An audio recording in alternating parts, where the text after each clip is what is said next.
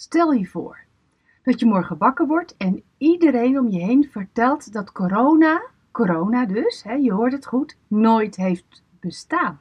Gewoon niet. De files in het land worden weer voorgelezen en ook jij wordt weer op je werk verwacht. Je wrijft nog eens in je ogen en je vraagt echt, huh? Echt? Nooit bestaan? Hoe kom ik daar dan bij?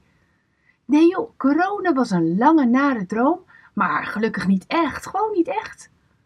Oh, dan weet ik zeker dat jij deze dag een vrolijke dag voor je zult gaan hebben. Jij blij? Als je dan een restaurant uh, hebt, nou, dan dek jij deze dag fluitend de tafels. En je poetst je vro vrolijk je wijnglazen. Heerlijk, je mag weer.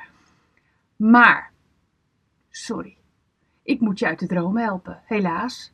Corona is een realiteit. Deze pandemie is echt. Jij maakt het echt mee en iedereen, maar dan ook echt iedereen wordt ermee geconfronteerd. In deze tijd op weg naar Pasen wandelen we samen met het leven van Jezus mee aan de hand van het Bijbelboek Marcus. Ook in Jezus' tijd waren mensen in nood. We lezen dit. Er kwam een leider van de synagoge naar Jezus toe. Hij, e-, hij heette Jairus. Toen hij Jezus zag, liet hij zich voor Jezus op zijn knieën vallen en smeekte. Marcus 5, vers 22 kun je dit lezen. Stel je voor, je bent directeur van een grote onderneming. En normaal gesproken ben je in pak en zo loop je door de zaak.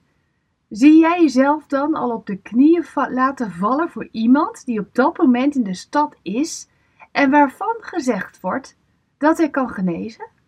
Zou jij dat doen? Ja, Iris deed dat. Hij was een leider, een leider met aanzien. Maar in Jezus' nabijheid vallen al zijn titels en functies weg.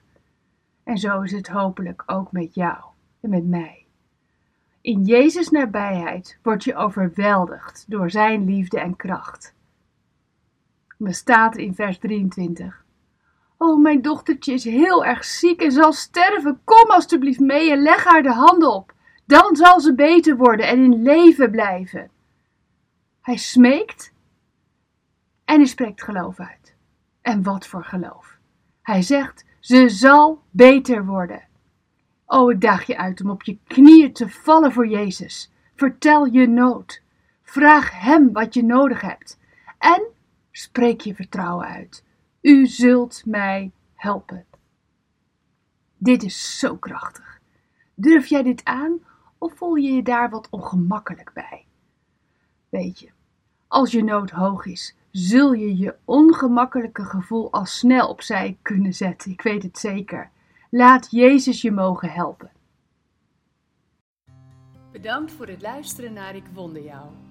Hebben de woorden je hart geraakt en de teksten je geïnspireerd? Gun ook anderen Ik Wonder Jou. Meld ze aan bij www.ikwonderjou.nl. Ik ben zo blij dat je bestaat.